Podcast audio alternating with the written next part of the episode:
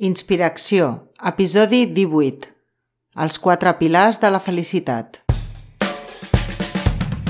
Estàs escoltant Inspiració, un podcast d'idees i propostes inspiradores per passar l'acció i crear la vida que vols.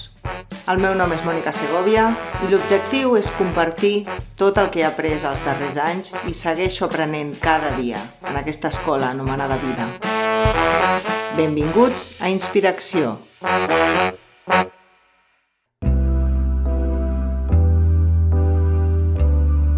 Aquest episodi està basat en el famós llibre Els quatre acords, de Don Miguel Ruiz. Un llibre que jo personalment el tinc a la tauleta de nit i que rellegeixo una i una altra vegada cada cop que em sento desconnectada o que la vida m'està portant a circumstàncies i situacions que no entenc o moments amb els que m'identifico tant amb el meu personatge de Mònica Segovia que vull tenir el control i tenir la raó per tal de sentir-me bé. L'he titulat Els quatre pilars de la felicitat perquè si segueixes aquests quatre acords en totes les situacions de la teva vida, la felicitat està garantida.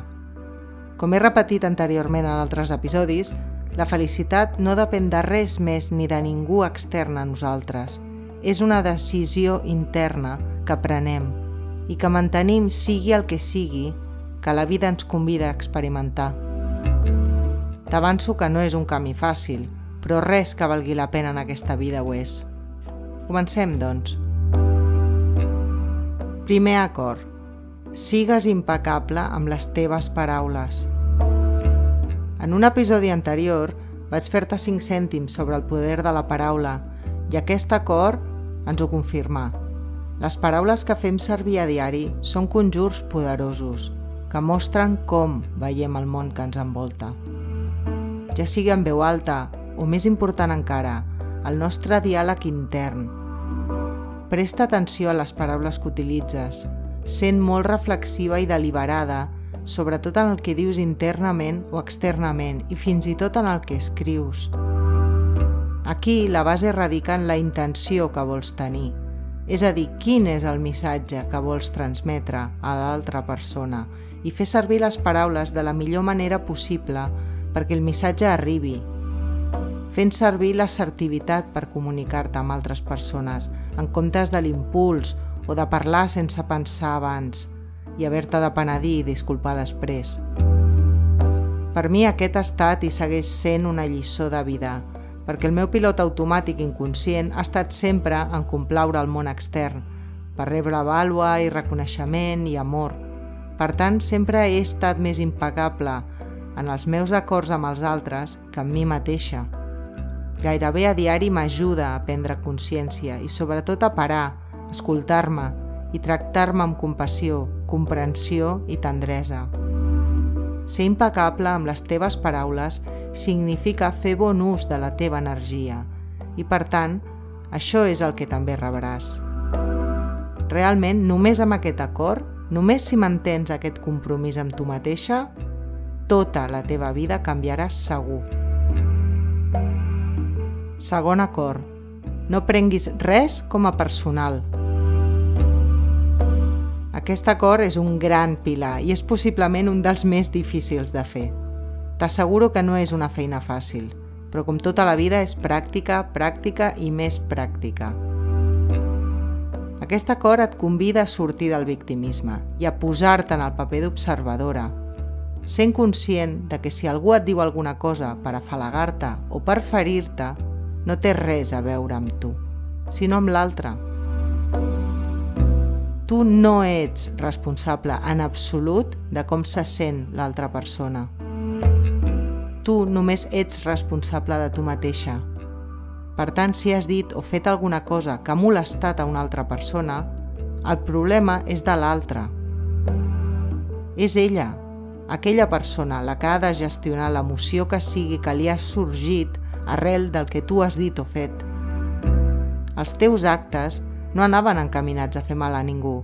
Tu has pres la decisió o decisions que creies més convenients per tu. El mateix passa si algú et felicita o t'afalaga per alguna cosa que has dit o has fet. Pots estar agraïda per descomptat, però no és res personal amb tu. La vida és un mirall constant i tot el que veiem a l'exterior és un reflex del nostre interior.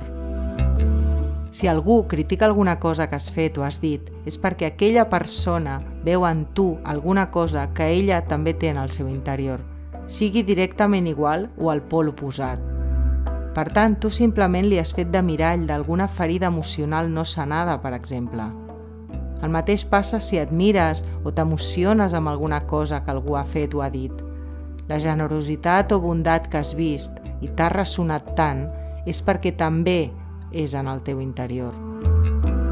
Si, per exemple, una persona que t'agrada et rebutja, en comptes de pensar que és personal, que hi ha algun problema amb tu i que de tant de bo fossis diferent, pren-t'ho en positiu, veient que aquella persona no és per tu, perquè algú que encaixa més amb tu està de camí. Si reps crítiques, fes-les servir de feedback de com podries millorar, però sempre tenim present que l'última decisió la tens tu. La resta només són opinions. Cada persona individual té la seva perspectiva sobre la vida en base a com ha estat criat, què ha viscut, què ha vist, què ha sentit i quines creences té. Per tant, hi ha tantes realitats com persones al món. Quan veiem les persones tal com són, diguin o facin el que diguin o facin, te n'adones que ningú et pot fer mal. El sentiment o l'emoció que aquella persona et provoca et dona una pista fantàstica sobre què has de treballar i què hi ha dins teu que encara no està sanat. Comunica amb positivitat i comparteix saviesa a aquells que estiguin disposats a escoltar. Però no intentis canviar ningú, perquè tothom ha de passar per si mateix per aprendre. Això és especialment cert quan es tracta de relacions sentimentals. Accepta la gent com és i quan algú necessiti ajuda, la demanarà per ella mateixa. Tercer acord. No facis suposicions. Aquest acord va de la mà amb l'anterior, perquè tenim molta tendència a fer suposicions sobre per què una persona ha reaccionat d'una manera concreta, per exemple, sense aturar-nos a preguntar primer. Donem coses perfetes que no són certes, són purament suposicions. Sobretot amb persones properes com la parella o la família, tenim molt automatitzada la idea de que ens han de llegir la ment, i que amb el temps que fa que ens coneixen haurien de saber què ens agrada o què ens molesta. Estem pressuposant contínuament i això ens porta a la majoria de discussions absurdes que tenim a la vida. Ens porta al patiment. Si vols una cosa, digue-ho. Simple i senzill. Digue-ho i sobretot fes servir el primer acord. Sigues impecable amb les teves paraules. Per tant, Res de retrets, ni sarcasmes, ni faltes de respecte. Nosaltres mateixes creem molt verí emocional només fruit de les suposicions i de prendre'ns les coses de forma personal. Fer safreig o vinagre sobre algú és la manera més ràpida de contaminar-nos els uns als altres i moltes vegades ve de la por que tenim a no preguntar i clarificar.